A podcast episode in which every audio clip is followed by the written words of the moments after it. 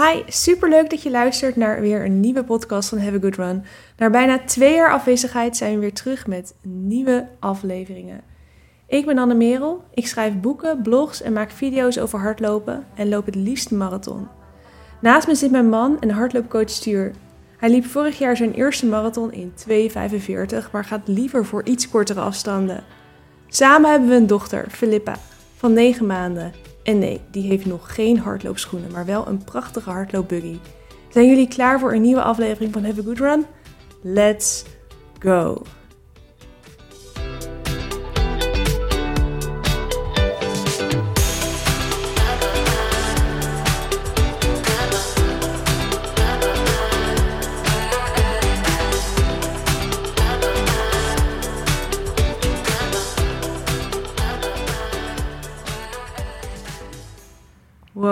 Zitten we weer, Tuur? Dat is lang geleden. Of nou ja, eigenlijk vorige week nog. Maar dat was niet eh, voor Spotify. Nee, wauw, echt lang geleden. Ja, dat was uh, denk ik twee jaar geleden. Volgens mij was het mei 2020 dat we de laatste podcast opnamen. En we hebben eigenlijk nooit soort van gezegd, we gaan nu even pauze nemen. We namen gewoon pauze, want... We hadden er tien, hè? Jij zei wel, we gaan ja, de tien volmaken. negen. Volgens mij hebben we er maar uiteindelijk maar negen, omdat die tiende er maar niet van kwam. Oh, dan kunnen we taart zo meteen bestellen. Omdat dit de tiende is. Maar dit is seizoen 2. Dus dan beginnen we weer bij aflevering 1. Ja, maar het nummer stellen wel door natuurlijk. Nee, nee, nee. Niet? Nee, nu zijn we seizoen 2, aflevering 1. Maar wel onze tiende podcast natuurlijk. Ja, maar eigenlijk dan wel misschien de 25ste. Als we de afgelopen twee jaar voor Have a Good Run podcast voor het programma meetellen. Toch? Je hebt een punt. Zullen we een eh, korte samenvatting eh, van de afgelopen twee jaar doen? Oh, jij bent daar wel altijd heel goed in, in jaartallen en eh, herinneringen. Ja. Jij niet? Gek genoeg ben ik daar... Jij weet alleen je hardlooptijden tot op de, tot op de honderdste. En Ja, niet alleen van, van jezelf, maar ook van anderen. Ik krijg dan op Facebook soms herinneringen van een vijf kilometer solo die ik gedaan heb of een tien. Ja. En dan denk ik, huh, dat is pas een jaar geleden. Pas een jaar geleden. Ja, en dan denk ik, Niet al.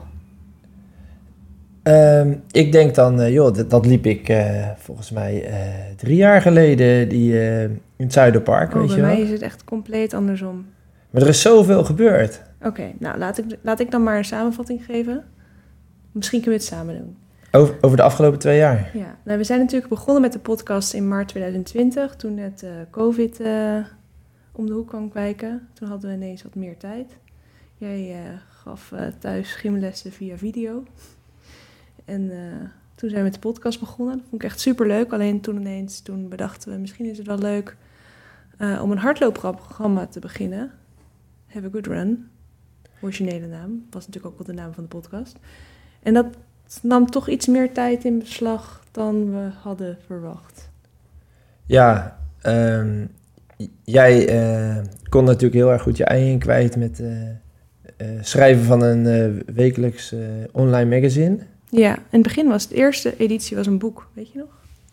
Oh ja, dat is een heel hardloopboek was het. Ja, met allemaal trainingsdingen. dat was echt eigenlijk je vierde, je vierde boek was dat. Ja, een soort van. Het was digitaal. En natuurlijk niet uitgegeven door een uitgeverij. Maar dat was in ieder geval echt wel een groot succes. En dat doen we nog steeds. We zijn eh, inmiddels in programma 6 bezig. En op 1 mei beginnen we met ehm, alweer het zevende programma. Dat was, ehm, ja, dat is leuk. Ja, het leuke ervan is, eh, ja, nu kan, kan je natuurlijk alweer in groepen trainen. Ja, Dus nu komen er ook eh live trainingen bij. ja, dat is ook wel echt heel leuk om iedereen dan in het echt weer te zien. En ja, dat je, als je mensen bij wedstrijden tegenkomt, is dat natuurlijk ook hartstikke leuk. Maar Ja, goed, laten we verder gaan eh, met wat we nog meer gedaan hebben de afgelopen twee jaar. Want we hebben niet alleen maar gewerkt en hard gelopen. Eh, we zijn ook nog getrouwd. Weet je nog? Die mooie augustus zomerse 2020. dag. Ja, weet je de datum nog? De 21ste. Goed zo, goed zo. En eh, anderhalve maand later, wat hadden we toen? Een positieve zwangerschapstest. Oh ja. Ja, toen was ik zwanger. Ehm, en toen kon ik ineens 14 maanden niet hardlopen. Ja, en wij hebben meestal iets ehm, als ik in vorm ben, kan Annemerel vaak niet hardlopen. En als Annemerel heel erg goed in vorm is, eh, heb ik vaak een blessure. Ja, dat, was, dat is sinds 2019 zo, hè? Want in 2018 waren we, in de zomer van 2018 waren we allebei heel fit.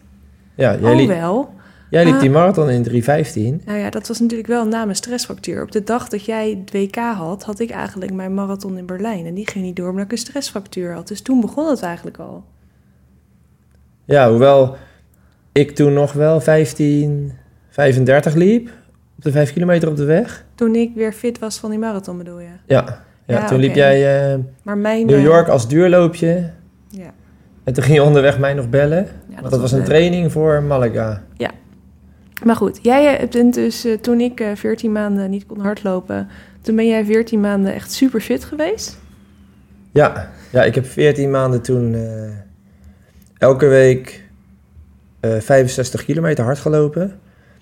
Ik was er echt achter gekomen, eh, als ik 65 kilometer hard loop, dan eh, ben ik goed in evenwicht. En eh, ja, dat werkte. Ik heb dat natuurlijk wel opgebouwd. Ja, want je bent begonnen toen volgens mij echt met 10 kilometer, want je kwam toen van een blessure terug.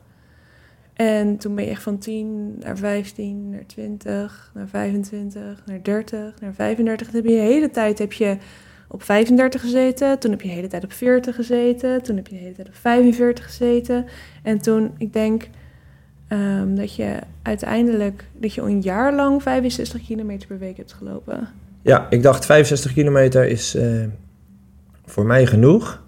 Ja, Ehm, ja, soms deed ik dat dan in, eh, in, vier trainingen, soms in vijf, soms in zes. ja, Ehm, en richting het baanseizoen inderdaad in, eh, in meer trainingen. ja. En ja, dat ging, eh, dat ging geweldig. Dat ging lekker, ja. Ja. Dat, eh, ja, ik heb een lekkere zomer gehad vorig jaar. Ja, zeker. Nederlands record gelopen op de 1000. Werd uiteindelijk niet goedgekeurd omdat de 1000 meter geen Nederlands record meer was of zo. Dat was heel raar. Ja, dat was wel echt heel raar. De Atletiek Unie had ineens bedacht... de 1000 meter is geen Nederlands record meer. Ja, Dus oftewel, er is dus een ranglijst waarin ik eerste sta voorop, ja, maar het vlaggetje staat achter nummer 2. dat is echt Omdat het heel toen raar. nog een Nederlands record was. Dat is echt heel raar. Ja. Alsof jij niet uit Nederland komt of zo. Zo ziet die ranglijst er dan uit. Nou, eh, Of dat die van jou niet officieel goedgekeurd of zo. in ieder geval, ehm, Je ligt er niet wakker van. nee, ik, had een, eh, ik had een goede zomer met, eh, met eh, ja, ik was gewoon fit en ik voelde, het, het was gewoon heerlijk om hard te lopen. Ik voelde me gewoon goed. Ja. Wat was er deze afgelopen zomer eigenlijk nog meer? Nou ja, toen eh Filippa geboren werd, Ik wou eigenlijk zeggen, Filippa werd geboren. toen Filippa geboren werd, toen eh, leek ik wel energie voor 10 te hebben. Ja, want je sliep amper, maar je kon toch wel lekker hardlopen. Ja, ja ik eh, ging een 1500 meter lopen en ik dacht, eh, nou, ik hoop dat ik een beetje in de buurt van 4 minuten 15 kan komen nog. Mhm. Het Nederlands record voor 50-plussers is 408. Ja. En toen liep ik 411 en toen dacht ik, wow, ik ga dat eh, record nog proberen te, aan te Maar vallen. hoe deed je dat dan in die eerste maanden dat Filippa er was en dat je veel minder sliep? Ben je toen op een andere manier gaan trainen? Trainde je toen nog steeds 65 kilometer in de week? Of ben je toen minder kilometers gaan lopen? Of... Ehm, nou ja, ik kwam uit een winter waar ik vier keer per week trainde. En dan zat er in het weekend wel vaak een, eh, ook een lange duurloop in van rond de 20 kilometer. Dus ik had wel echt een goede, goede basis op eh, die winter Ja? opgebouwd. En toen, ehm, ja, in het baanseizoen, dan loop je natuurlijk niet echt 20 kilometer. Nee. Dus dan moet je het, die 65 kilometer over meer trainingen eh, gaan verdelen. Ja. En ik moet zeggen dat ik toen ook misschien wel, zeker in, in de buurt van wedstrijden, eh, toch wel 60 heb gelopen, denk ik. Ja, maar ook toen Filippa net geboren was, je- heb je toen ook gewoon al die weken, al die kilometers gemaakt? Ehm, volgens mij heb ik de eerste twee weken na de geboorte ben ik wel iets, minder. kilometers gaan lopen. Ja, dat weet ik. Ja. Oh, dat dat weet wel, je dat heb ik wel onthouden, ja. Maar ik dacht, ik laat jou de vraag beantwoorden. Dat doet een goede interviewster. Die Ah. laat het de gast zelf zeggen. Ja, nou ja. En ehm, dus ik heb dus een baanseizoen gedraaid. En toen kwam ineens het nieuws dat de CPC door zou gaan in, eh, in september. Ja. Nee, dat hij niet door zou gaan. Dat hij niet, nou, dat hij misschien wel door zou- gaan, toch? Eh, nou, volgens mij ging hij niet door. En toen heb je eventjes een weekje niet hard gelopen. Of in ieder geval heel rustig aangedaan. En toen hoorde je ineens dat de Rotterdam Marathon wel door zou gaan. En toen ben je ineens weer heel hard gaan trainen. Ja, dat was al echt heel, heel gek. Want ehm, ik had natuurlijk een startbewijs gekregen in 2020, denk ik. Ja, januari 2020. En die eh, Rotterdam Marathon werd maar uitgesteld en uitgesteld. En ik dacht, eh, nou, ik ga nooit meer een marathon lopen. Eh, ik, had, het- ik, heb het, ik had het nooit gedaan, dus ik dacht, ik ga het ook niet doen. En toen, eh, ja, toen kwam die, die Rotterdam Marathon ineens. Toen was dat wel heel speciaal. Toen dacht ik, eh het was denk ik zeven weken van tevoren. Nee, het was, ehm, het was eh, 17 september. En de marathon was op 25 oktober. Dus het was op vijf weken van tevoren. Ja, dus ik dacht, eh, ik ga morgenochtend om eh 7 uur hardlopen. En als ik makkelijk 21 kilometer gewoon rustig het duurloop kan doen, Ja. dan ga ik dat gewoon doen. ja, we waren op dat moment in Italië. Dat is ook nog wel leuk om te vermelden. Ja, dus ik ben eh, die ochtend om 7 uur opgestaan en eh, met moeite liep ik dan 20 kilometer volgens mij. Ja, Maar ik dacht wel van, eh, ik ga nou dit ja, gewoon doen. Ik ga dit gewoon doen. Ja, want er waren al, alle andere wedstrijden waren eigenlijk afgelast. De Rotterdam Marathon was eigenlijk de enige grote wedstrijd die nog wel op het programma stond. En je had het startbewijs en je dacht, nou, nu ga ik het maar doen ook. Ja, Ja. en toen heb je je in vijf weken voorbereid op een marathon. Eigenlijk maar in drie weken, want die laatste twee weken, dat doe je natuurlijk niet echt heel erg veel meer. Toen heb je twee weken van tevoren heb je nog een halve marathon gelopen ehm, in Leiden. ja, dat was ook een feest. Die Ja. ging dus ook wel door, hè? Ja, dat is wa- ook wel was ook een van de weinige eh, Ja. wedstrijden die doorging. Maar Leiden halfmarathon was ook echt heel erg leuk, door al die dorpjes en zo. Ja, En ik dacht, ik ga hem lopen op, eh, op een pace die gewoon echt makkelijk voelt. En dan ga ik gelijk het drinken en de, en de jelletjes oefenen en dat soort Ja. dingen. Heb ik ook wel in de training geoefend. Ja. En eh, ja, ik dacht, dan loop ik iets van 1,18 of zo. Volgens mij bed- bedachten we dit ook echt letterlijk de dag van tevoren. Oh, toen ging ik nog een startbewijs proberen te krijgen. Ja. Ja. En- Een uur voor de inschrijving heb jij nog een startbewijs gekocht. En toen moest je eigenlijk starten in F. Startvak F kreeg ik. En toen was ik nog naar een infobalie gelopen. En toen zei die man, ja, we kunnen er wel B van maken. En toen stond, stond ik dus in startvak B.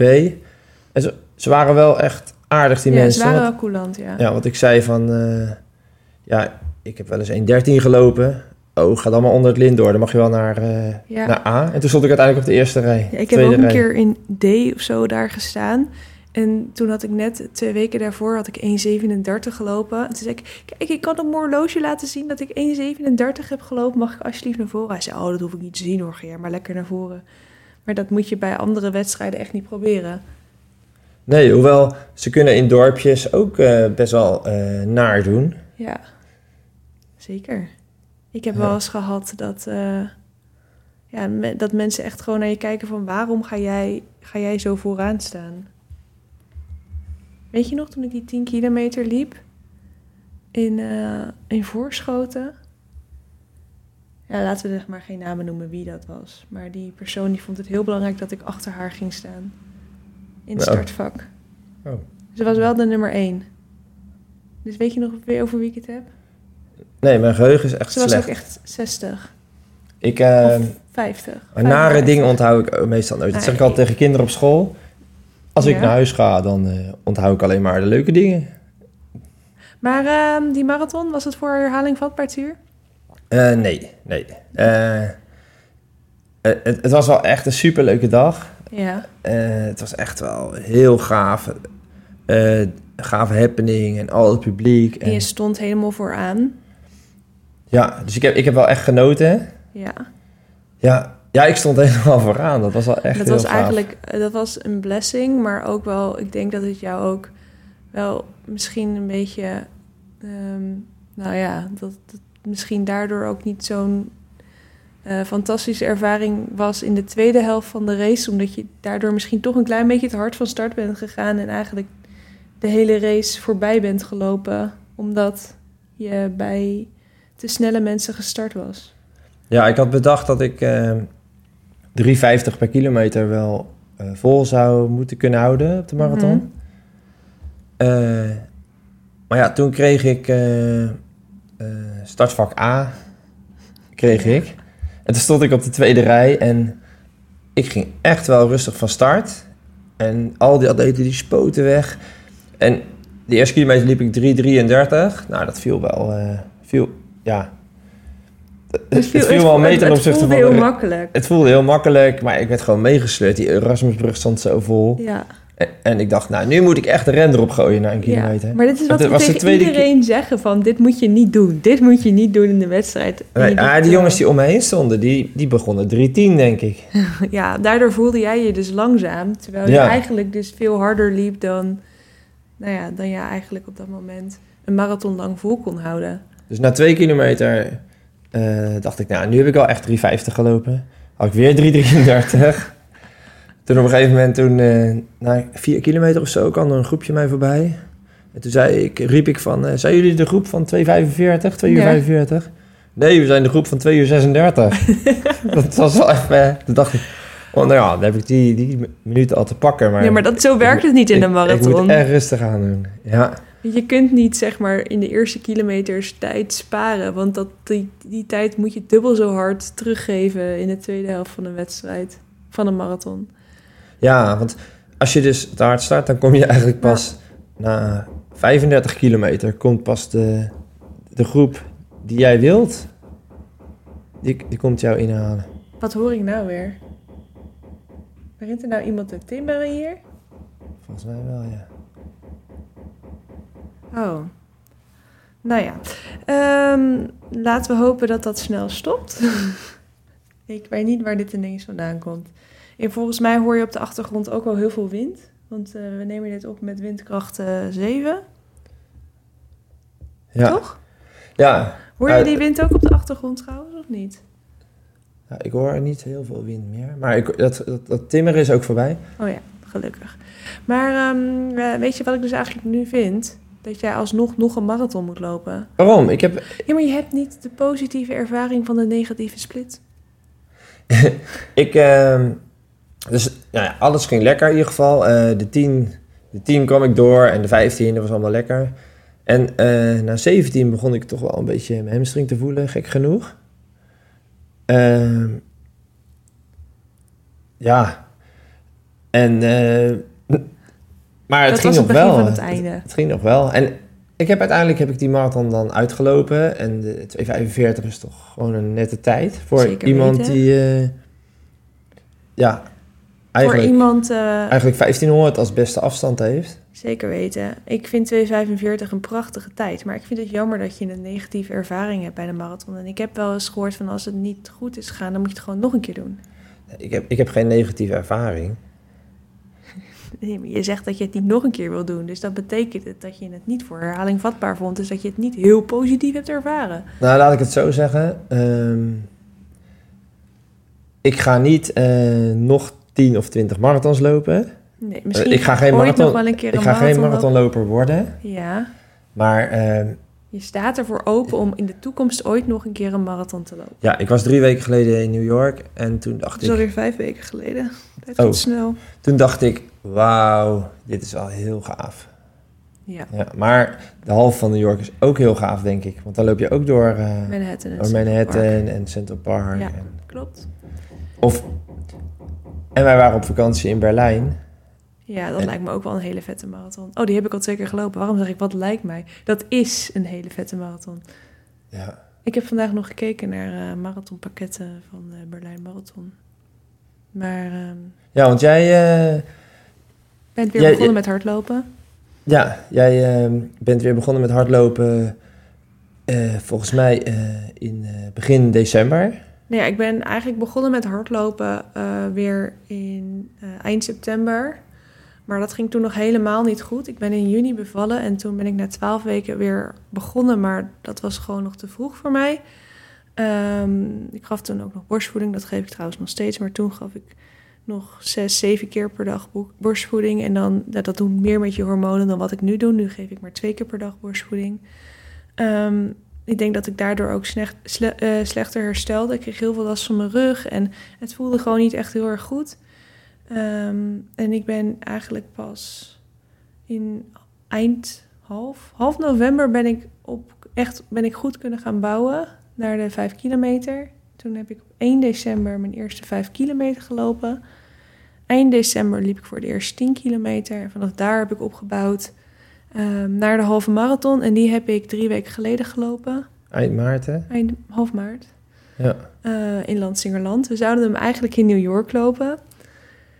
Eh, hoe we uiteindelijk van New York in Landsingerland zijn beland, dat eh, is een beetje een te lang verhaal. Dat zal ik jullie besparen. Lansingerland klinkt ook heel ver. ja, het is wel, ik vond het wel echt typerend van, van, ehm, van New York naar Berkel en Rode Reis. Maar ehm, ja, het was wel, het, het, ik had, maakte de klassieke fout, de fout die jij op de marathon maakte. Ik startte veel te snel, ik startte voorin, want ehm, ik kwam een trainingsmaatje tegen ehm, en die startte voorin en die zei, hey, kom, je, kan vanaf, je kunt ook vanaf de voorkant het startvak in, want eh, ja, dat kan. Ik had een shirtje van de sponsor aan, dus ja, dat werd ook gewoon geaccepteerd. Ik ben er wel een klein beetje naar achter gelopen. eh, maar ik stond gewoon nog te ver vooraan. Want mijn doel was om eigenlijk gewoon op duurlooptempo die halve marathon te lopen. Maar ehm, toen dat startschot ging... Ja, eerst hadden we uh, Lee Towers gehoord uit een bandje. Hij stond daar niet uh, zelf te zingen in de Berkel en Rode Reis. Maar ja, dat had al wel een beetje ja, dus de, de toon gezet. En toen, Geweldig wat dat met je doet, hè? ja, het is bizar. Dat had ik, had ook in Rotterdam. Echt, een soort van rust kwam er over me heen. Zo van, oh, alles komt goed. Nou ja, toen was die eerste kilometer... Stonden er ook mij- mensen op balkons? eh, Nee, ik heb daar, dat heb ik ik denk het niet. Ik heb daar niet op gelet, maar ik denk het niet. Maar die eerste kilometer was vijf, 25 eh, seconden sneller dan mijn goal pace. En de tweede was 20. En daar kwam de, de vijf door in 24.10. Terwijl ik had bedacht dat ik in 25.50 zou doorkomen. Dus ik was 1 minuut en 40 seconden te snel in de eerste vijf. En toen dacht ik nog heel even van... Oh, misschien kan ik dit wel volhouden tot het einde. Ehm, maar vanaf 10 was het echt wel een klein beetje afzien. Serieus, dit is echt een grap. Eindelijk slaan Filippa. Dan gaan we de podcast opnemen. Dan, gaat iemand timmeren. Dan komt er een ambulance lang. gaat het heel hard waaien. Of nee, dat deed het al.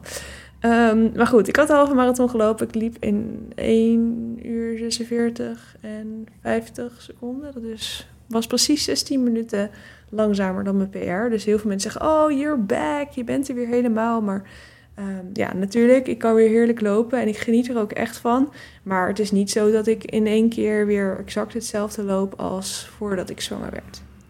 Gaat het wel eh, pijnvrij? eh? Het gaat geheel pijnvrij. Dat vind ik het eigenlijk het allerbelangrijkste. En dat ik er plezier in heb, dat is ook wel echt belangrijk. Ik heb er eigenlijk misschien wel meer plezier in dan voordat ik zwanger werd.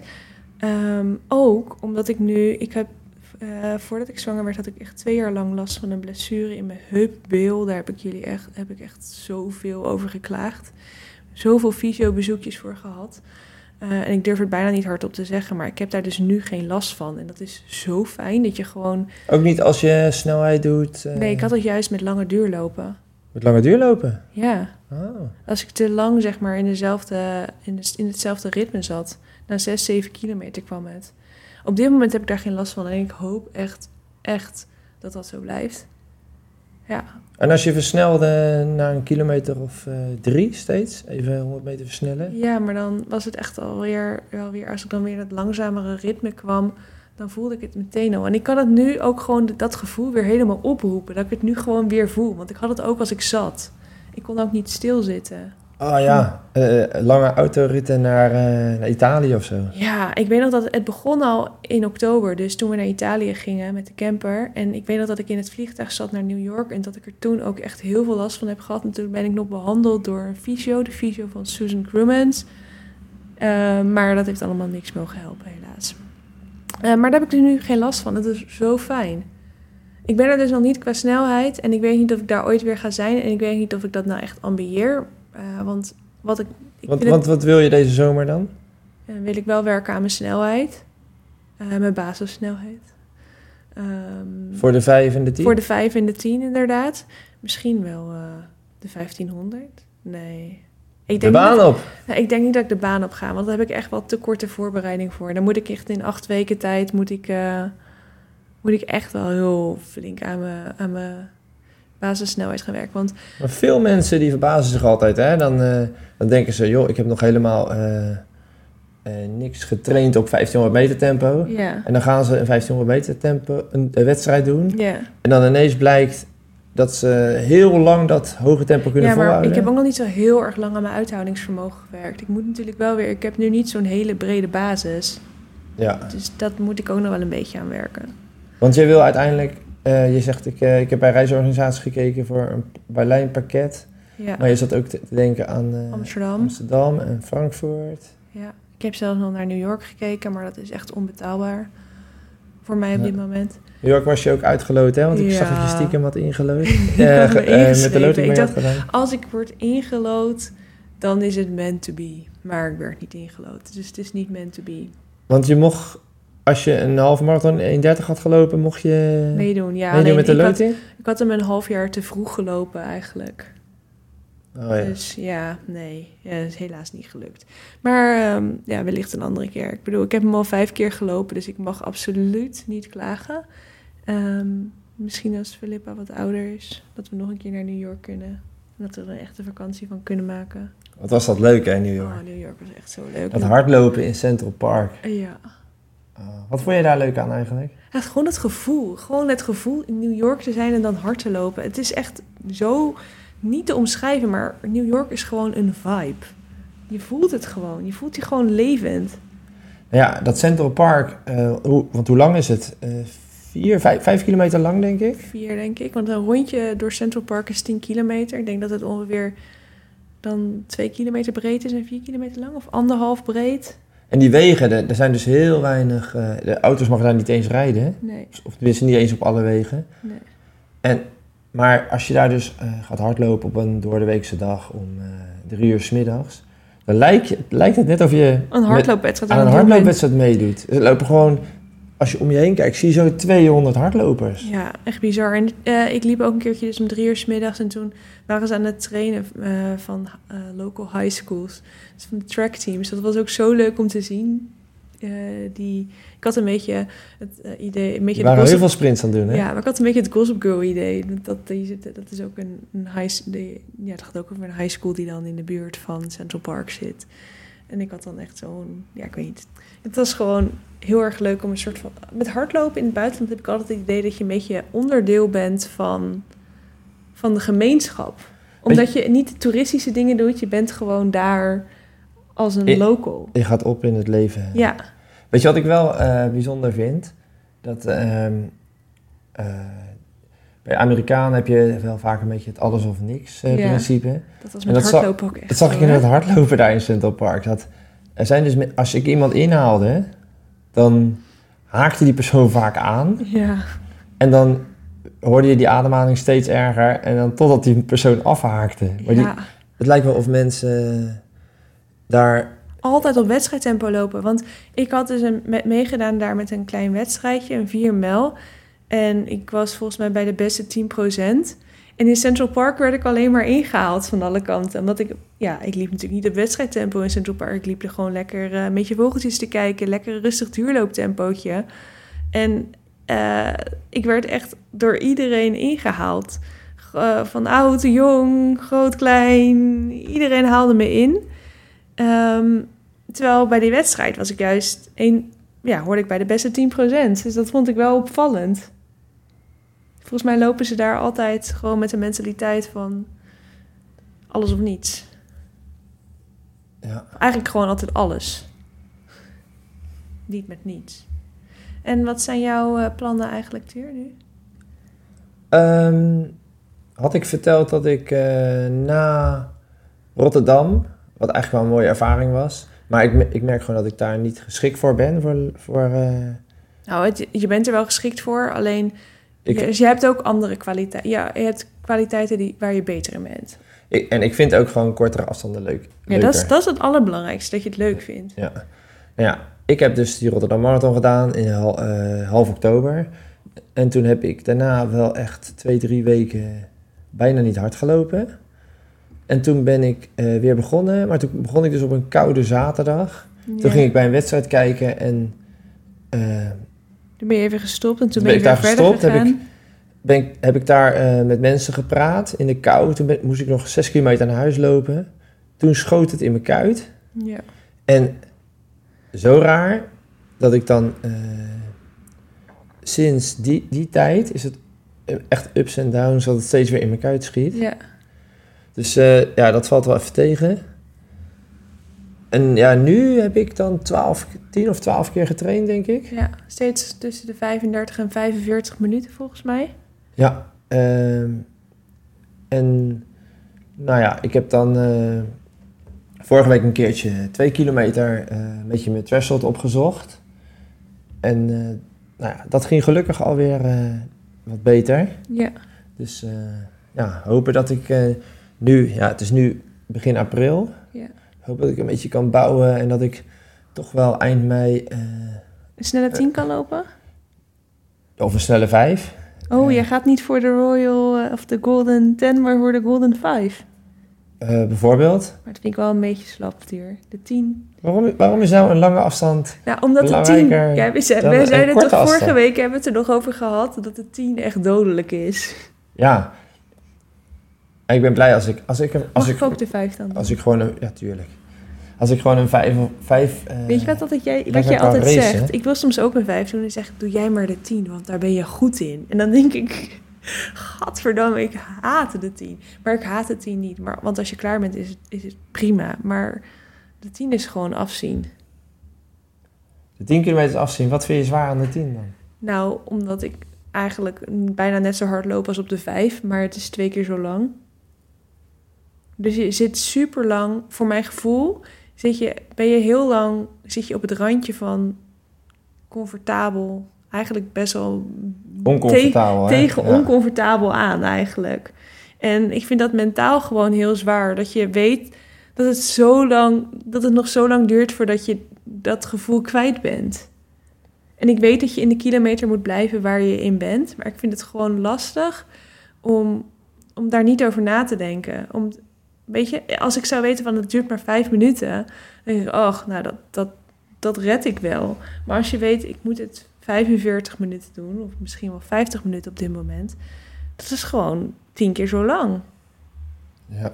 ja, ik vind een 5 op de, op de weg Dat is maar een kwartiertje voor jou. is zoveel makkelijker dan een 5 op de baan. Eh, maar een 5 op de weg is... eh, ja, eigenlijk gewoon wel redelijk comfortabel tot 3 kilometer. Ja, En dan is het een ki 1 kilometertje... dus heel een, minuutje, zwaar. een minuutje of drie is het wel eh, Voor jou dan. pittig. En dan, dan is het gewoon... Oh, nog maar het is één nog maar een kilometer, naar, de, kilometer. naar finish, ja. Ja. Ja, dat is het mooie van een vijf. Ja, ik vond die vier mijl trouwens ook wel leuk. Dat zit er een beetje tussenin. Dus, want dan ga je dan voor je gevoel op 10 kilometer tempo weg? Eh, ja, misschien Alsof je wel. een 10 loopt? Nou, ik ging eigenlijk gewoon weg op met ik wil gewoon plezier hebben. Ik ben in New York, ik heb geen zin om... eh, ik wil hier echt van genieten. Het is mijn eerste wedstrijdje weer in super lange tijd. Ik ben in New York. Ik ben zo blij dat ik hier nu weer ben. Ehm, laat ik hier lekker van genieten. En ja, dat is gelukt. Ja. Maar eigenlijk moet je alle wedstrijden... Op die manier benaderen. Ja, maar, ik denk, al- maar ik denk wel dat het sommige wedstrijden, als jij als, als je iedere week een 10 kilometer loopt, dan is het makkelijker om jezelf te verliezen in tijden dan wanneer je eh, weer een eerste wedstrijd loopt en dan ook nog eens een, ehm een 4 mijl, dus niet een afstand die je iedere week loopt. Dus dan ben je wel veel minder met tijden bezig en dan kun je minder hoge verwachtingen. ja, en ook als je op een plek bent als New York, dan, dan is dat al heel erg bijzonder. Dan maakt het eigenlijk niet meer uit wat voor tijd je loopt. Ik denk dat als je hier in de buurt steeds eh, ieder weekend een 10 kilometer of om de twee weken een 10 kilometer loopt, dan, dat het dan lastiger is om, om- om het op zo'n luchtige manier te benaderen.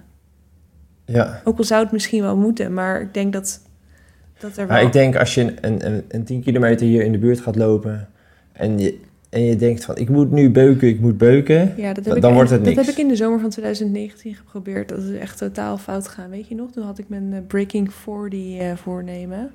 En dat ging echt totaal niet goed. Nee, beuken eh, heeft niemand werd echt ieder, werd iedere 10 kilometer langzamer. En ik raakte ook steeds meer geblesseerd. En de laatste 10 kilometer ben ik toen zelfs uitgestapt. Na 5 kilometer. Oh, dat was in Quinsville, hè? Ja. Waar Ja. ik een jaar eerder mijn PR had gelopen. Ja, want als je een 10 kilometer... eh, het, eh, als je na 5 kilometer weer langs de finish komt... Ja. Maar ik had eigenlijk al bij 3,5 besloten dat ik bij 5 uit ging stappen. Oh ja. Ja, ik wou zeggen... Maar dan heb je het wel heel zwaar, hoor. Als je halverwege al uit gaat stappen. Ja, maar ik had ook gewoon heel erg veel pijn in mijn heup toen. Maar goed. In Eh. Sluis had je altijd een 10... En dan kwam je na 7 langs de finish. Ja. En dan moest je nog even anderhalf kilometer de ene kant op. Oh, en, echt? en dan Ik heb een keer in Maasluis een halve marathon gelopen. Toen waar, en dan, als je dan op 7 kilometer was, dan kon je kiezen voor de 10 of voor de halve. En ik weet dat ik daar die halve liep en dat ik dacht, oh, als ik nu de maar de 10 zou lopen, dan zou ik al over 3 kilometer klaar zijn. En nu moet ik nog 11 kilometer. En dat was natuurlijk ook weer een halve marathon waarin ik veel te hard van start was gegaan, waardoor ik dus dat die gedachte had. Als je rustiger start, heb je een zoveel positievere ervaring dan wanneer je eigenlijk te hard van start gaat. Toch? Weet je, ik heb dat wel eens in de training. Dan, eh, dan eh, wil ik eh, bijvoorbeeld eh 1000, 3000, 2000 doen. Mhm. Maar als ik na, bij tijdens mijn eerste 1000 merk na 1000 van... eh, Oeh, het gaat wel lekker. Dan loop ik toch soms een keertje, soms wel eh, gelijk nog twee kilometer door. Dan heb ik die 3000 maar gehad. Echt? Ja, en dan wordt de training daarna 2000, 1000 nog. Ook als je hem hebt ingepland in je horloge. Eh, ja, tegenwoordig dan plan ik hem in mijn horloge, ja. En dan doe je dat dus niet meer. Nee, maar op de baan eh ja, op de heb baan ik snap ik neiging dat zeker. Ja. Oké, zullen we verder gaan met de vragen? Zijn er Eh, vragen? Ja, ik heb via Instagram heel veel vragen binnengekregen. Ik denk dat we wel drie uur aan podcast kunnen vullen eh, als ik nu al die vragen ga beantwoorden. Of als wij nu al die vragen gaan beantwoorden. Dus er ligt een beetje veel van het goede. Dus ik heb er een paar geselecteerd en die andere vragen die bewaar ik eh, wellicht voor een volgende podcast. Oké, eerste vraag. Die vraag heb ik van heel erg veel mensen gekregen. Waaronder van K. Nijboer. Ehm, hoe bouw je weer op na corona? Niet van Gerard Nijboer? Eh, nee. Gerard Nijboer ken je wel, toch? Ja, ja, ja. ja. Ja. T- eh, 1980. Tweede, Moskou. in Moskou, eh, tweede op de Olympische Spelen. Ja. En Europees kampioen marathon in Athene. Dat tweede weet ik niet, maar ik weet wel Moskou 1980. Tweede op de Olympische Spelen. Die heeft nog 2 uur 9 wel eens gelopen, de marathon. Wauw. Maar wat vraagt meneer Hoe Nijboer? bouw je... Het kan ook een vrouw zijn. Oh. Hoe bouw je weer op na corona? Ja, dat is, vinden we echt een super lastig vraagstuk. Want, nou ja, ehm, het zal je waarschijnlijk niet ontgaan zijn dat corona bij iedereen een andere uitwerking heeft. De een heeft er echt amper last van en de ander is wekenlang ziek en heeft daarna nog jarenlang eh, last van restverschijnselen. Want ehm, jij kent iemand die is nu al een goede hardloper die nu al twee jaar niet kan hardlopen. Dus dat, ja, dat is natuurlijk. eh, ja, dat lijkt me echt verschrikkelijk. Ehm, jij hebt, eh, en ik zelf trouwens ook, twee dagen na de besmetting hebben wij op de loopband alweer kunnen lopen. Op een rustig tempo. Ja, En je- hoewel ik wel merk dat mijn eh, hartslag wel echt een stuk hoger Ja, was want bij jij bent, jij bent maar tempo. één dag ben je een klein beetje grieperig geweest. Maar jij hebt nu al vier, drie maanden dat je hartslag hoger is. Gek doet, ja. Echt gewoon tien slagen hoger is dan normaal. Dat is echt wel raar. Ja, dus eigenlijk heb ik, een, eh, heb ik dan eigenlijk een vraag aan mensen die daar iets van weten, hoe, hoe, hoe dat nou weer kan. Ja, nou ja, het is gewoon vaag allemaal. Want ik heb zelf, ehm, ik heb wel een paar dagen dat ik koorts had. Eh, en ik kon een week na, na de positieve test kon ik alweer hardlopen. Ik had toen nog wel een klein beetje een zwaar gevoel op mijn longen, maar dus ik deed het gewoon rustig aan. En ik wandelde af en toe tussendoor. Ehm, maar ik heb nu echt daar totaal geen last meer van. Ik heb, mijn hartslag is juist lager dan, dan voor mijn coronabesmetting. Dus dat is wat ik zeg. Het is voor iedereen weer anders. En ik denk ook echt ja, dat je moet kijken naar ehm, hoe, is ja, hoe voel je je. En ik denk dat je echt gewoon op je eigen gevoel af moet gaan. Er zijn mensen die echt weer moeten beginnen met een opbouwen naar 5 kilometer schema. Maar anderen die kunnen ook gewoon, nadat ze een weekje rust hebben genomen, gewoon eh, weer een rustig een duurloopje doen eh, met een paar versnellingen en dan misschien, eh, weet ik veel, 20 minuutjes rustig tempo en een paar 200'tjes eh, eh, als afsluiting, als tweede training. En dan misschien, als dat gewoon echt perfect gaat zonder problemen, dan kun je misschien gewoon je normale trainingsschema weer oppakken. Dus je moet het echt voor jezelf bepalen, volgens jou. Ja, dat denk ik wel. Ja, en ik, maar ik zou wel ehm, een, eh, een, een week erna bijvoorbeeld Ja, eh, niet extreem eh, trainingen gaan doen. nee, dat zou ik zeker niet doen. Ook al voel je je goed. Ja. En misschien, wer- zijn- misschien werkt het ook wel goed hoor, maar Ja, dat- ik weet wel bijvoorbeeld van iemand die had een eh coronabesmetting en een week later liep ze eh, een hardloopwedstrijd, volgens mij de 16 kilometer in Zandvoort en die had nergens last van. Ja, super fijn voor haar, maar dat is zeker niet voor iedereen eh, hetzelfde. En eh Inge Brits had de dag nadat hij... De De tweede, tweede werd, van de WK wereld. had hij een positieve Dus coronabesmetting. misschien had hij het al. Ja, maar die werd toch nog even, die liep toch, wat was het, 333 of zo op de 1500? Ja. Echt bizar. Ehm, dus ja, onze, wat wij eigenlijk zeggen is, let gewoon op wat jij, hoe jij je voelt. En probeer je schema niet meteen, zeg maar pas weer op je schema echt te gaan, op een schema te gaan lopen op het moment dat jij een paar train, rustige trainingen hebt gedaan waarin je je weer helemaal jezelf voelde. Ik denk ook na gewoon als je koorts hebt, hè, dat je... Je lichaam heeft gewoon energie nodig om te herstellen. Ja, Dus eh, ja, als je dan ook nog eens daarbij hard gaat trainen, dan... eh, Een vuistregel is volgens mij voor iedere dag die je koorts hebt, moet je twee dagen rust nemen. Dus als je twee dagen koorts hebt gehad, moet je daarna nog vier dagen rust nemen. ik denk dat een topper zich daar niet aan houdt. Die- Nee, maar ik denk dat rust nemen dan misschien ook wel weer... Kijk, voor de een is rust nemen eh, helemaal niet lopen. Voor een topper is rust nemen 60 minuten op easy tempo. Ja, dat is ook wel weer waar. Want ehm, ik hoorde pas van een jongen die eh, meer is gaan trainen. Ja, En die zegt, eh, doordat ik zoveel kilometers maak, ehm, herstel ik sneller. ja, heb ik het gevoel dat ik ook sneller herstel. Ja, dat moet ook wel, want anders kun je niet zoveel kilometers maken. Oké, volgende vraag is van René. Hoe start je weer met hardlopen na een motivatiedip? Heb jij wel eens last van een motivatiedip, Tuur? nou, dan moet je niet bij mij zijn, inderdaad. Jij hebt Oh. echt nooit een last van een motivatiedip. Ik weet, weet dat ik ehm, eh, heel vaak, eh, vroeger, eh, dat ik dan eh, gewoon de hele dag uitkeek naar het Ja. moment dat ik weer kon hardlopen. Dat je ochtends wakker werd en dat je dan al uitkeek naar de training. Maar nu, nu heb ik ook, eh, dan heb ik zaterdag, eh, want ik, ik ben natuurlijk weer aan het opbouwen. Ja. En nu heb ik op zaterdag dan getraind en dan eh, wil ik 48 uur rust nemen. Mhm. Dan, dan kijk ik ook wel uit naar maandagavond dat ik weer kan trainen. Ja, snap ik. Ja. Ik, heb, eh, ik kijk ook eigenlijk altijd uit naar de training dus, eh, de laatste tijd. Ik moet wel zeggen dat ik dan vaak, als het dan de training er is, dat ik dan toch ineens weer een beetje ga uitstellen. Dat ik dan weer een beetje van de uitstelleritis ben, zeg maar. Dan denk ik, oh, misschien moet ik nog even dit doen. Misschien moet ik nog even dat doen. Dan heb ik er wel heel erg veel zin in, maar op het moment dat ik dan naar buiten moet, ben ik dan toch weer aan het Maar wa- uitstellen. waar, eh, wanneer ben je nu echt gemotiveerd dan? Om te trainen? Eh, nou, zeker als het zon lekker schijnt, dan, ben ik, eh, dan, dan komt de motivatie vanzelf. Ehm, maar ik vind het ook gewoon, ik, ik raak gemotiveerd van, van progressie.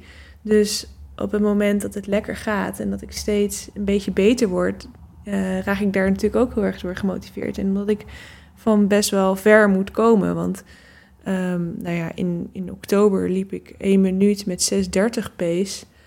Ehm, nou ja, dat was voor mij, als ik, als ik dat twee jaar geleden had gelopen, dat was best wel langzaam voor mij toen. Ehm, en nu, als ik nu één minuut volle bak zou gaan, zou ik misschien eh 3.30 pace kunnen lopen. ja, Dus want jij moest pas een... eh, ja, een en, test eh, doen, Gisteren moest je een test doen, of eergisteren? gisteren. Eh, Toen liep je, ik drie minuten voluit. want je zusje doet een onderzoek bij bewegingswetenschappen. Ja, En eh, die test was drie minuten voluit. ja. En heb je nu na die test, eh, heb je gemerkt van... Wow, ik kan nog wel eh, een kilometertje in eh 3.30 lopen. Heb je nu wel... Nou, een kilometer niet. Het was 3,45. Het was drie minuten. En ik kon geen stap meer zetten op dat moment. Maar heb je wel het gevoel van, uh, oh, dit is wel echt lekker weer zo racen? Ik vond het wel echt super lekker om over het asfalt te scheuren.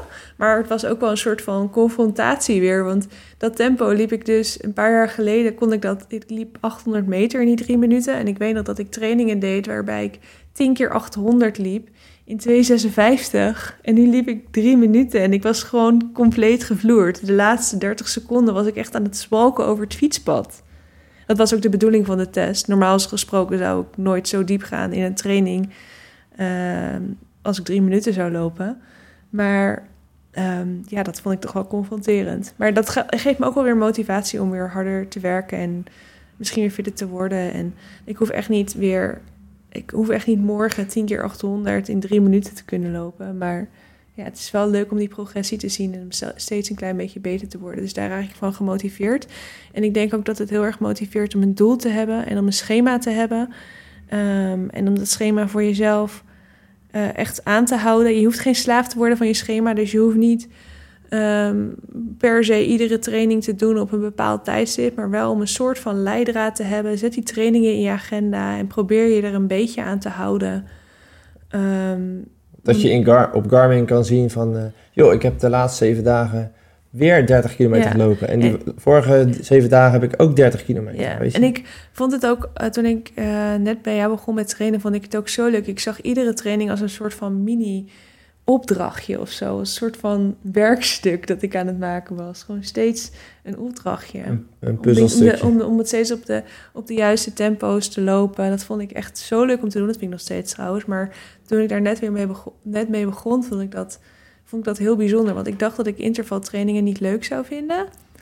Uh, dat ik liever duurlopen deed. Maar uiteindelijk bleek dat ik die intervaltrainingen juist super leuk vond. En ook om, leuk om na de training dan te kijken wat je precies gedaan hebt. Um, ja, lekker muziekje luisteren helpt voor mij ook altijd. Als uh, een van mijn favoriete artiesten weer een nieuw album heeft, ben ik ook altijd blij. Want dan motiveert het ook weer om lekker te gaan lopen. En natuurlijk naar een wedstrijd toe werken. Ja.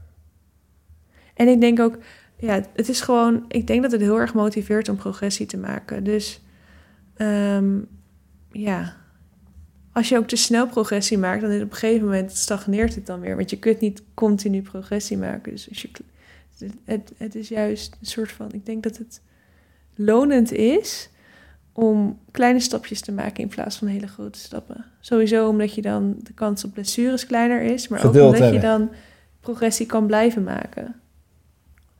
En um, ik denk als je inderdaad de ene week uh, drie, vier keer traint en de volgende week weer nul, dat, ja. dat gaat niet helpen. Nee. Dus sluit trouwens mooi aan op een vraag van Lisette. Hoe stel je een haalbaar doel? Ik ga vaak te hard in het begin en raak dan geblesseerd, waardoor ik weer stop.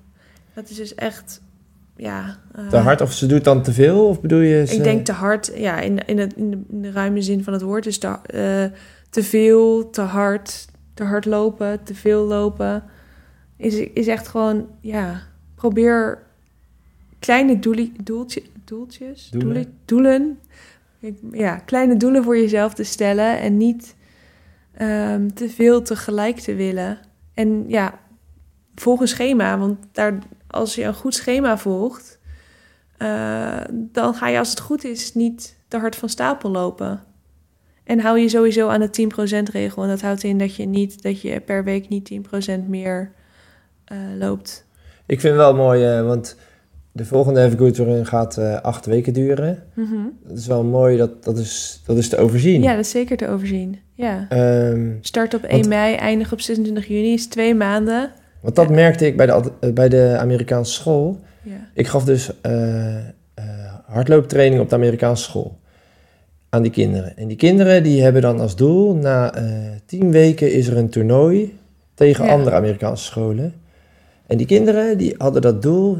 Zij wilden dus goed zijn na tien weken. Dus zij gingen, zij gingen er helemaal voor. Uh, tien weken lang. Tien weken lang. De laatste, de laatste week deed ik wat rustiger aan. En ja, ze liepen gewoon echt wel uh, lekkere tijden. En dat is het verschil met uh, wat ik dan zie in de Nederlandse atletiek. Dan, het gaat altijd maar door. Het gaat maar door. En sommige kinderen die raken dan hun grote doel kwijt. Of die, ga, die hebben dan niet met, met hun trainer een bepaald doel gesteld. Ja. Ja, ze hebben bijvoorbeeld het NK als doel in juni. Ja, maar tussendoor in- zijn er zoveel andere doelen. In- Ja, in november denken ze dan... Een jongetje van 15 denkt in november nog niet aan het NK in juni. Nee, nee. Dus ja, dan is het wel, eh, moet je wel echt heel erg gemotiveerd zijn om... en gefocust. Ja, dus dan vind ik, als jij een doel hebt over acht weken, Ja, eh, dan, ja, dan zie je het echt voor je. Dan Ja. kan je daar ook gewoon acht weken voor gaan, denk ik. ja. Het is heel motiverend. Maar zij heeft geen motivatie nodig. Zij moet juist geremd worden, want anders raakt ze geblesseerd. Oh, waren bij de volgende vraag. Dus wat ik zeg, een schema volgen en, niet, eh, en je houden aan de 10% regel. En proberen, eh, onthoud dat het consistent zijn loont meer dan dat je de ene week 30 kilometer loopt en de andere week eh, niet. Ik hou me nu dus ook aan de 10% regel. En dat betekent eh, dat ik dus... eh, ik begon een beetje met eh 20 kilometer. Mhm. Maar dan mag je die week daarna pas maar 22. Dan duurt het echt lang voordat je 65 hebt. Ik moet zeggen dat ik het wel fijn vind dat je niet 65 kilometer nu loopt. Dan ben je vaker thuis. Je mag ook mee. Op jouw tempo. Nou, wij kunnen altijd wel iets eh, bedenken dat we elkaar nog En onderweg wat zien. doen we dan met Filippa? Ga, je de dan, wagen, mee? doe jij dan, ga jij dan met Filippa aan de wagen lopen? Ja, we hebben het toch pas gedaan ook weer. Ja, oké. Ja, maar oké. Gaan we dat 65, ieder, al, al die 65 kilometers van jou gaan we Filippa meenemen? Nou ja, als ik zo meteen weer kilometers kan maken, dan kan ik natuurlijk... eh 20 de, kilometer mo- lang de met... momenten dat jij gaat trainen, Ja. dan ga ik ook mee, maar dan met de wagen. Oh ja. Oh, daar heb ik zin in. En dat het dan de zon schijnt. En dat het dan niet zo hard waait. Want een kinderwagen duwen met tegenwind is echt heftig met hardlopen. Heuvel op, zo'n verschil. eh, Met heuvel, heuvel af, ja. Nee, ja, maar ook met, met rechte wegen. Heuvel op met een kinderwagen. Zoveel zwaarder dan eh, heuvel op rennen eh, Zonder kinderwagen. zonder kinderwagen. Ja. Ja. Bizar. Oké, vraag van Frida. Een lange duurloop van 30 kilometer of langer. Hoe doe je dat met water? Ehm, Ah, dat was, ja, dat, oh, daar kan ik wel iets over vertellen. Want ik eh, ging natuurlijk trainen voor die marathon. En, Ja. eh, dus wat ik deed was, eh, ja, volgens mij deed ik een rondje van 12. ja. En ik wilde, volgens mij wilde ik dan 4,30 per kilometer lopen.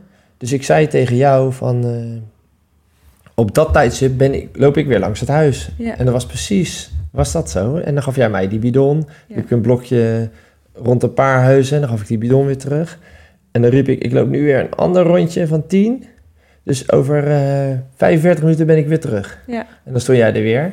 Ja, dat was heel handig. Een andere manier is om ehm, onderweg bij een tankstation eh, iets te kopen.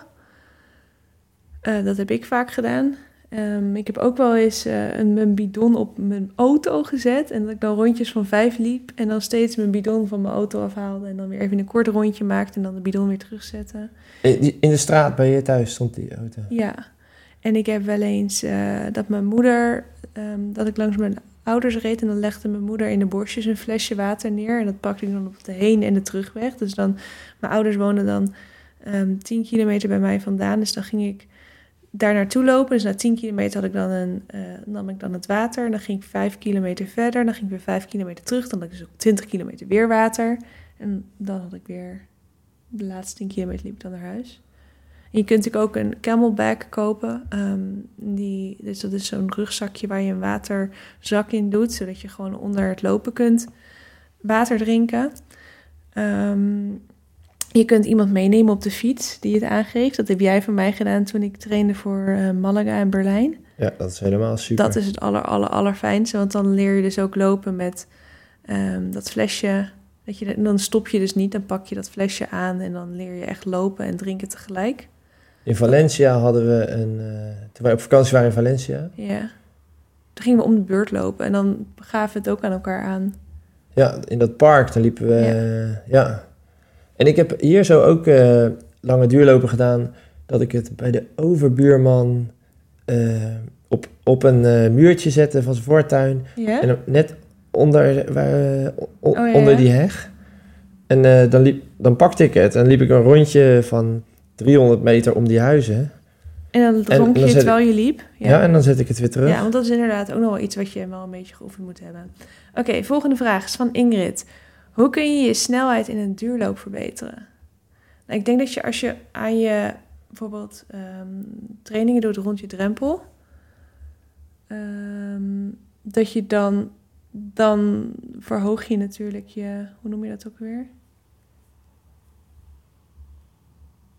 Ik denk dat je, als je trainingen doet... dan, wordt je drempel beter ja, natuurlijk. maar als je drempel beter wordt, dan wordt je, wordt je uithoudingsvermogen toch beter. En dan wordt die, gaat toch automatisch ook het tempo van je duurlopen omhoog. Ja, nou ja, je wordt beter in wat je traint natuurlijk. Eh, dus eh, van lange duurlopen... maar als wat- je, wat- alleen maar lange, als je alleen maar lange duurlopen doet, word je niet sneller. Eh, dan word je bij die... Stel, je lange duurlopen gaan bij een hartslag van 140. Ja. Als je dat alleen maar traint, dan ga jij steeds harder lopen bij hartslag 140. Maar er zit wel een grens aan. Als je jarenlang Als je lange varieert en wat doet, jij zegt inderdaad. Want ik je- heb vanaf 2000, van 2014 tot en met 2000, tot 2018 heb ik alleen maar lange duurlopen gedaan. En ik werd op een gegeven moment juist alleen maar langzamer eigenlijk. Omdat het, het stagneerde gewoon. Stagneerde? Tot 2018. En toen ben ik intervaltrainingen gaan doen. En toen werd ik weer sneller. Ik liep in 2015, liep ik toen ineens 326 op de marathon. En toen ging ik vervolgens, liep ik eh 340, 350, eh 406 op de marathon. Gewoon omdat ik alleen maar mijn uithoudingsvermogen werkte. En ik liep eigenlijk die duurlopen ook net iets te hard. Ehm, om echt aan mijn, mijn vetverbranding te werken, zeg maar. Maar zij vraagt, hoe word je sneller in een duurloop? Dat vraagt ze toch? Ja, maar ik denk dat ja, het ligt eraan hoe je de vraag bekijkt. Je kunt ook bedenken van hoe krijg ik de, wordt, de, wordt mijn tempo in de duurloop sneller? Door, door vaak eh, duurlopen te doen. Maar wat jij zegt, eh, als jij eh, trainingen doet op marathon tempo en half marathon tempo en threshold, wat jij Ja. zegt, dan wordt dat inderdaad ook wel hoger en dan, natuurlijk. maar dan, voel je, dan die voelt een duurloop ook gewoon makkelijker. Als je, als je die trainingen doet. Ja, als je gevarieerd traint, word je, ja, dan word je natuurlijk sowieso veel beter. Ehm, volgende vraag. Hoe word je sneller op de 10 kilometer? Ook hetzelfde, denk ik. Toch? Veel trainen rond je drempel. Af en toe erover. Ja, loopjes op 10 kilometer tempo natuurlijk. Dus Ja. eh, weet ik veel, eh 8 keer 2 minuten, 10 keer 2 minuten. Ja. Ehm, maar natuurlijk eh, voor het grootste deel eh, rustig trainen. Ja. En wat is dan je 10 kilometer tempo? Is dat het, doeltempo dat je hebt of het tempo dat je nu hebt? Eh, je huidige t- 10 kilometer tempo. Ja. Ja, want dan weet je dat je... Dat je in ieder geval niet te hard traint. Nee, maar je moet ook... ehm, ja, het threshold is net iets langzamer. Ja. Dat tempo eh, is natuurlijk ook geweldig om je VO2 max te verbeteren. Ja. En dan, eh, als je VO2 max eh, beter wordt, dan eh, wordt je 10 kilometer ook beter natuurlijk. Want dat is, ja, dat is het verschil natuurlijk ook. Jij zei net van, ehm, je, je threshold is iets langzamer of iets sneller. Iets langzamer dan je 10 kilometer tempo. Maar als, je, als jouw 10 kilometer langer dan 50 à 60 minuten is, dan is je threshold juist Hetzelfde, hè? hetzelfde of misschien wel iets sneller zelfs. Ja. Ja, dat zeg ik goed. Ehm, ja, want er zijn natuurlijk eh, mensen die eh, de 10 in eh, een half uur lopen. Ja, dus dat is een tempo wat je natuurlijk geen uur vol kan houden. nee. Dus Ja, voor want, die want mensen... je, je, je drempel is ongeveer, je drempeltempo is ongeveer de tempo dat je een uur kunt volhouden. Er zijn ook mensen die zeggen dat je het 50 minuten kan volhouden. 45 heb ik zelfs gehoord. Eh, wij gaan uit van 60 minuten eh, op een hele goede dag. Het, tempo dat je in 60 minuten op een hele goede dag kunt volhouden. Ja, dus je, voor, ehm, voor mensen die dus eh, een 10 kilometer sneller lopen dan, eh, dan 45 minuten, Ja, dan is dat 10 kilometer tempo behoorlijk oncomfortabel. Eh, ja. Want eh, je, zit, ja, je loopt net iets harder dan, eh, dan je steady state. Een goede training vind ik ook altijd 6 keer 1000 op 10 kilometer tempo. Dus wel echt een pittige training, maar ja, het is wel...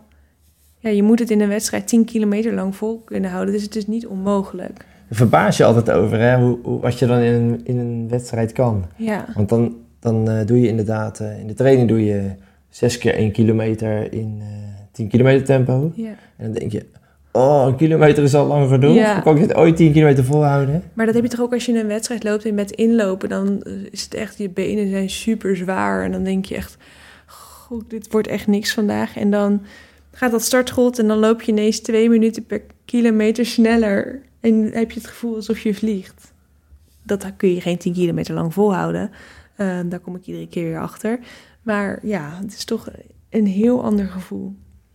En ik denk dat dat ook wel heel motiverend is. Eh, als je net een 10 kilometer wedstrijd hebt gedaan Ja, en je hebt daar eh, eh, iets, een tijd gelopen die je niet had verwacht. ja. Dat is zo motiverend voor je volgende wedstrijd. Ik zou dus ja, kiezen voor een gevarieerd ehm, trainingsschema met daarin trainingen. Ja, dus rond je 10 kilometer tempo, ehm, sneller dan je 10 kilometer tempo, veel vlak onder je drempel, dus wat langzamer dan je. Ook half marathon tempo. Ja, En natuurlijk eh, ook hele rustige duurlopen. ja, Dus eh, echt wel eh 20, 25 hartslagen onder je drempel. ja. Dat is dan vaak gewoon een minuut langzamer dan je 10 kilometer tempo. Dus als je 10 kilometer tempo bijvoorbeeld 4,15 is, ehm, dan is het helemaal niet gek om je duurlopen tussen de 5,15 en de 5,30 te doen. Misschien zelfs nog wel langzamer. Ja, de kunst van langzaam eh, lopen. Hè? Oké, deze vraag is eh, van Marjolein. Zou jij op een carbonschoen ook trainen? Oh ja, zeker. Dat eh, geeft ook positieve, een positieve ervaring. Ja, ik moet zeggen, als ik een motivatiedip heb, een echte flinke dip, dan trek ik carbonschoenen aan, omdat ik dan weet dat het sowieso net iets makkelijker gaat. Dus zelf je natuurlijk wel een klein beetje voor, voor de gek houden, want ja, die schoenen die maken het ook gewoon net iets makkelijker. Dus als je dan ziet dat je zo hard hebt gelopen, dan heb je eigenlijk, als je op gewone schoenen had gelopen, had je misschien net iets langzamer gelopen. Ehm, maar je herstelt ook zoveel beter van carbonschoenen. Ja, ja, ik denk dat het door die, eh, die demping komt van die foam. Ja, Dus niet je- door die carbonplaat?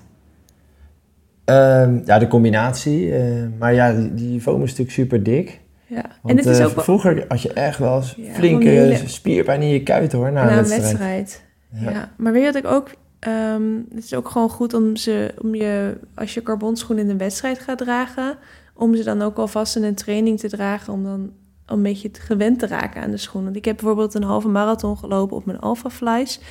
En na 15 kilometer eh, deden mijn tenen het niet meer. Mijn nagels zaten echt enorme blaren onder.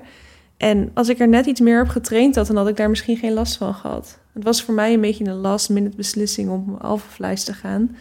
Ehm, ja, dus dat is ook wel een goede reden om regelmatig op je carbonschoenen te trainen. En ook misschien een wat langere training te doen op je carbonschoenen.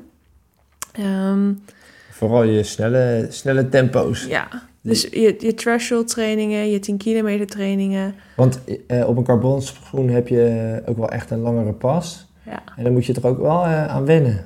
ja, Eh, eigenlijk, weet je wat het is? Tijdens de coronaperiode kwam ik erachter dat, dat er natuurlijk geen wedstrijden waren. Ja. Maar er stonden nog wel carbonschoenen in de kast. Ja. Dat vind je dan zonde. Dus dan ga je toch... Toen ben ik op een gegeven moment echt op mijn carbonschoenen gaan trainen. ja. heel vaak. En ja, dan eh, loop je ineens... Dan is je threshold ineens eh eh 3,22 in Ja. plaats van eh 3,32. Ehm, Dus eh, dat weet het je... enige nadeel is dat ze wel... Ze gaan niet zo heel erg lang mee, die schoenen. En ze zijn best wel prijzig. Ja, ja, die zolen, maar Ja. de demping blijft wel langer in, vind ik. Ja. Ehm, en een ander nadeel is dat ze niet zo heel erg goed schijnen te zijn voor het milieu, omdat carbon niet zo goed kan worden afgebroken. Dus dat is ook wel een beetje heel erg jammer. Dat is waarom ik er niet altijd op zou lopen. Oh, Als dus het, da- oh, daarom zou je er niet op trainen, omdat... ik zou er wel op trainen, maar niet zo, niet al mijn trainingen zou ik erop doen. Want Nou, oh, nee, gewoon- nee, zeker Ze niet. zijn super duur en eh, het is niet goed voor het milieu. Ehm, en ze zijn ook niet heel duurzaam, als in dat ze niet heel veel kilometers meegaan. Het zijn geen trainingsbeesten, die schoenen. Ehm, ja, dat. Ja, want jij had ook ergens eh, gelezen dat, dat je toch wel minstens 400 moet Ja, kunnen dat, lopen. dat hoor ik ook wel eens van mensen, maar ik denk zelf dat het voornamelijk heel belangrijk is eh, op de manier waarop jij landt. Als jij eh, op je Voorvoet. voorvoet landt, voorvoet, middenvoet, dan heb je denk ik wel wat aan carbonschoenen. Maar als jij wat meer Plat of op je plat hak. of op je hak landt, dan heb je er weer juist minder aan. Ja, nou ja, als jij ehm, eh, snelle tempo's doet in de training, Ja, dan ga je ook wel vanzelf wat meer op je voorvoet lopen. ja. Dus Nou, dan zullen ze effectiever zijn. ja maar ik loop op mijn, bij mijn duurloop loop ik ook wel op mijn voorvoet. Dus ik heb er zelfs bij mijn duurloop heb ik er profijt van. Oké, volgende vraag is van Kelsey. Hoe belangrijk is krachttraining en hoe plannen jullie dit naast het lopen? Ja, eh, wij doen eh, heel veel eh, stabiliteitsoefeningen. Ehm, dus ja, ik doe met lichte gewichten wel squats en eenbenige uitvalspassen achteruit. En veel balansoefeningen op één been. Ja, ik vind het wel heel belangrijk om de spieren rond mijn knieën en mijn heupen en mijn enkels. enkels ja, te verbeteren. Mhm. En dat is toch wel blessurepreventie. Ja. En zware krachttraining? Ehm, Dus met ja, grote gewichten? ehm, heb ik wel veel gedaan. Eh, nu kom ik niet meer zoveel in een krachthonk. Zeg maar gewoon niet. Maar ik merkte wel dat eh, toen ik dat deed, eh, dat ik vooral tegen het einde van de wedstrijd ehm, heel goed op techniek kon lopen. En dus een heel sterk einde had tijdens een 5 en 10 kilometer. Ja, Omdat mijn, eh, ja, mijn techniek bleef gewoon goed. ja. Ik vind het voordeel van met lichaamsgewicht eh, oefeningen en met bandjes oefeningen doen, dat je er niet echt... Ik krijg er zelf niet echt spierpijn van, dus ik hoef het niet echt te plannen. Ehm, Heeft geen invloed op je volgende looptraining. Nee, als ik het heel lang niet gedaan heb, dan natuurlijk wel. Maar als ik regelmatig twee, drie keer in de week eh, krachttraining doe met mijn eigen lichaamsgewicht... of met lichte gewichten van 4 kilo... ehm, dan heb ik er geen last van. Dus dat is wel heel, heel prettig, vind ik dat. En ik moet ook zeggen, ehm, ik heb een tijdje dus wel ook met, met, zware gewichten eh, krachttraining gedaan. Of nou ja, heel zwaar. Het was helemaal niet... zo- Ik, ik, kon, ik was niet zo sterk, dus mijn gewichten waren niet heel erg zwaar. Ehm, maar op een gegeven moment had ik... Ja, ik kreeg natuurlijk die blessure in mijn heup slash bil. En met deadlift had ik daar voornamelijk heel veel last van. En met squatten. En ik durf dat dus nu ook niet zo heel erg goed meer te doen. Omdat ik zoiets heb van, ja, het gaat nu goed. Dus waarom zou ik dat nu doen? Ja. Snap? Hoewel jij wel, eh, voordat je gaat trainen, wat squats doet? doet of doe je Ja, maar niet, met, meer? meer, niet meer met 60 kilo in mijn nek. Nee, oké. Dat heb ik trouwens maar één keer in mijn leven gedaan. Normaal was het 40 kilo. Maar- Ja, want jij doet wel eh, krachtoefeningen om je, je billen alvast een beetje aan het werk te Ja, zetten. een beetje mijn billen activeren. Ehm, ja, dat eigenlijk. Ja. Ja, want die doet eh, niet zo erg mee hè, met de hardloopbeweging soms. Nee. Ik moet wel zeggen dat ik dat de laatste tijd dus ook niet zoveel meer doe. Eigenlijk niet. Ja, ik durf het dus nu ook niet meer te doen, omdat het nu goed gaat. Ja, En nee, dus, als je... nee, dan zou ik het niet veranderen. Nee. Nee. Maar goed, volgende vraag is van Marije. Hoe zorg je voor een goed herstel? Goed eten. Ja, Gelijk, na, nou niet- niet gelijk, maar wel binnen 30, ik, binnen 30 minuten ehm, iets eten, water drinken. alcohol binnen twee uur. eh, vier uur, maar na vier uur. En ik zou alcohol sowieso niet echt aanraden. Maar ja, af en toe is het wel goed om te ontspannen. Of als je het lekker vindt. Als, je, als het voor jou ontspanning is, af en toe een glas wijn of een biertje of een appelspriet, dan zeker doen. Eh, liever niet binnen vier uur na een training. Ehm, ja, na, ik, ik merk dat als ik na het lopen niet meteen iets eet, dus dat ik niks eet en drink, dat ik ga douchen en dat ik dan gewoon en dan aan het werk ga en dat ik dan een dip krijg, omdat ik dan gewoon, ja, ik heb gewoon een energietekort. Ja. Heb jij dat niet? Eh, nou, ik zorg altijd wel dat ik goed herstel. Dus ik neem eh, vaak wel een, eh, Een drankje. een drankje met koolhydraten en eiwitten binnen een kwartier. Ja. Dus dat bedoel ik ook eigenlijk meer met eten. Ja, dat Ja. is ook een soort van eten, toch? Want er En eh, ja, ik eet ook nog steeds wel calories. kwark voordat ik naar bed ga. Een half uur Ja. voordat ik naar bed ga. Dus dat soort dingen zeker Ja, wel. Maar ook gewoon niet alleen net na je, niet na je training wat eten en drinken. Maar ook gewoon gedurende de hele dag goed eten, goed drinken. Ehm, ook op tijd naar bed. Dat is misschien saai, maar ja, je hebt gewoon, slaap is gewoon echt het beste, het beste medicijn dat er is. ja. Als je slaap niet goed zit, dan ja, slaap is herstel en herstel is beter worden. Ja, ik merkte ook eh, toen ik, eh, toen ik 12 kilometer van mijn werk woonde, dat ik elke dag eh, naar mijn werk fietste. Toen fietste ik wel altijd mijn kuiten weer soepel. Oh ja, dat Voor de, herstel, ja. ja, voor de volgende training. Ja. Dat is ook een goeie. Oké, tijd voor de laatste vraag van Masha. Volgende week, ik denk inmiddels eh, over een paar dagen, loop ik mijn eerste marathon. Help. Hoe ga ik om met de zenuwen en zorg ik ervoor voor dat ik ervan kan genieten? Ehm, ik denk dat je je zenuwen niet te veel weg moet stoppen. Als je denkt van, oh, ik mag niet zenuwachtig zijn, want zenuwen zijn stom.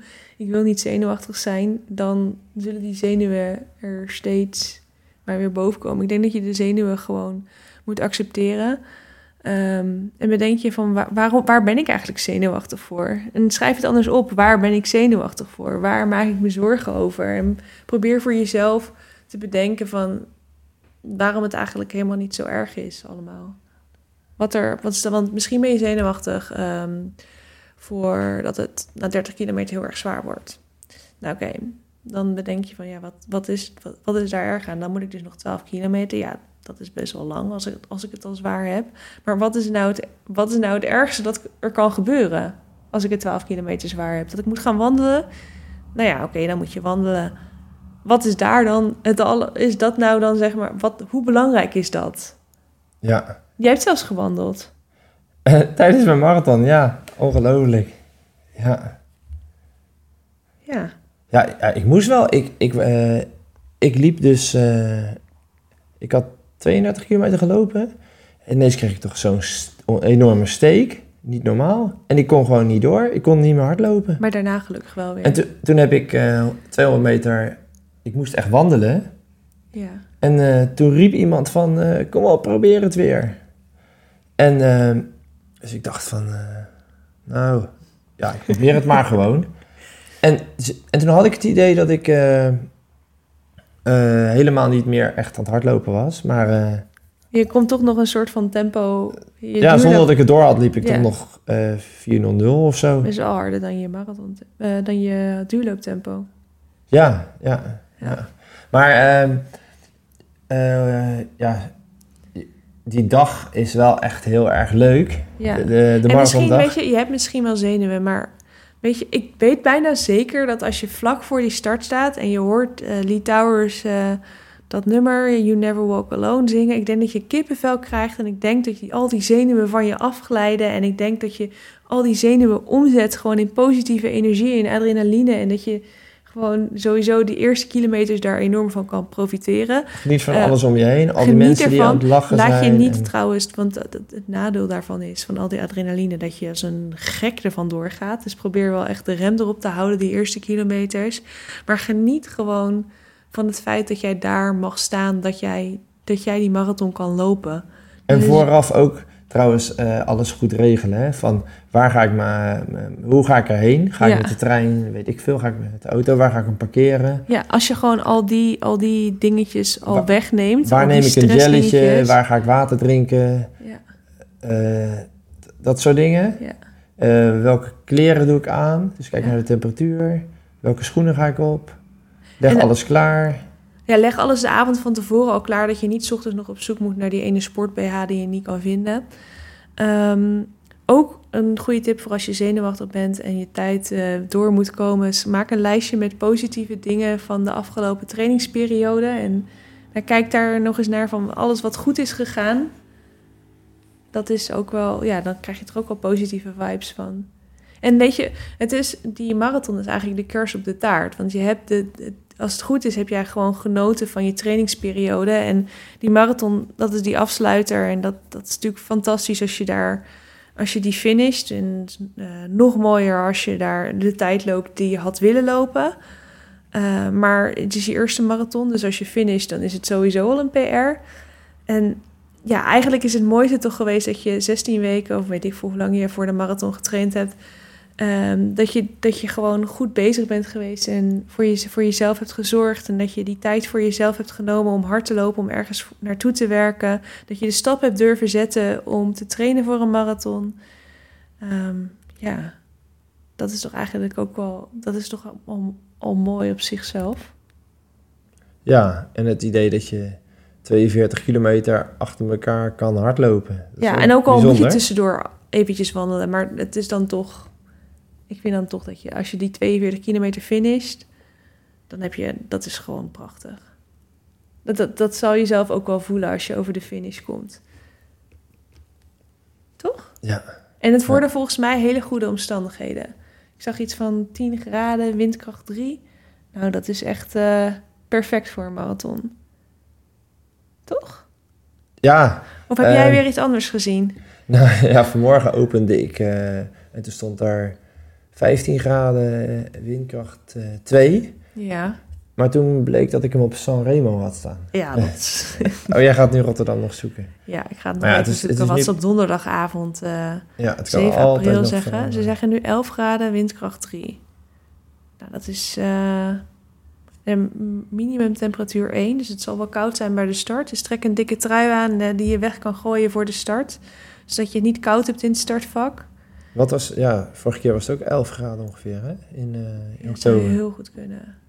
Ga er gewoon lekker van genieten en maak je niet te veel zorgen. En dat is makkelijker gezegd dan gedaan, maar ja. Toch? Ja, have a good run. Ja.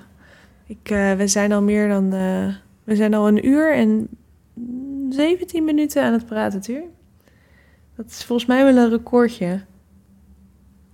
Betekent ook dat Filippa al een uur en 17 minuten slaapt. Dat is ook wel een recordje voor haar. Ik hoop dat jullie het leuk vonden om weer eh, naar een podcast van ons te luisteren. Ehm, als je het leuk vond, ik ben helemaal hieruit. Ik weet gewoon niet meer wat je allemaal moet zeggen.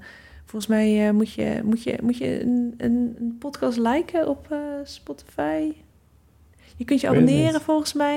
Ik weet, Want, het al, eh, ik weet het allemaal niet meer, mensen. Met- want met Have a Good Run hebben wij eh, elke maand wel een podcast gedaan. Ja, maar die gingen gewoon, die werden per mail verstuurd, dus die Dus- stonden dus niet de online. afgelopen twee jaar hebben we wel eh, elke maand een podcast gedaan.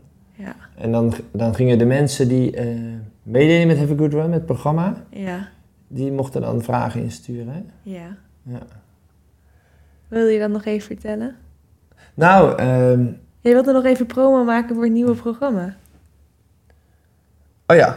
Ja, eh 1 mei begint het nieuwe programma. Ja, oké, ja. Eh, acht weken lang. Ja. Dus echt een doel wat te overzien is. En in die acht weken kan je dus eh, jezelf inschrijven voor eh Niet voor Speed. ja. Ehm, Niet voor Speed is een programma wat gefocust is op ehm, snelheid, je basissnelheid verbeteren. ja, dus je hebt nu bijvoorbeeld eh, een 10 gelopen of een half marathon. Maar je wil eh, eigenlijk deze zomer, het wordt hopelijk wat warmer. Je wil wat echt weer een beetje aan je sne- snelheid eh, werken, aan je snelle tempo's. Dan is het wel even lekker om acht weken niet voor speed te doen. Ja, en dan ben je eigenlijk ieder weekend klaar voor een wedstrijdje. Hopelijk worden er weer lekker veel wedstrijdjes georganiseerd. Denk jij, eh, nou ja, met mijn basissnelheid zit het wel goed. Ik kan die vijf, die vijf kan ik wel lekker hard doorlopen, maar ik heb gewoon echt te, te weinig uithoudingsvermogen om eh, een halve te lopen of een, eh, eh, straks een marathon. Dus ik heb echt uithoudingsvermogen nodig. Dan hebben we programma 2. Nee, dat, ja, dat is het marathonvoorbereidingsschema. Ja, dus dan, dan wordt echt de, je ligt de, uithoudingsvermogen ja, ligt de focus meer op je uithoudingsvermogen, dus wat meer op de duur lopen. Maar natuurlijk ook nog steeds wel eh, wat, wat kortere tempo's ook erin verwerkt.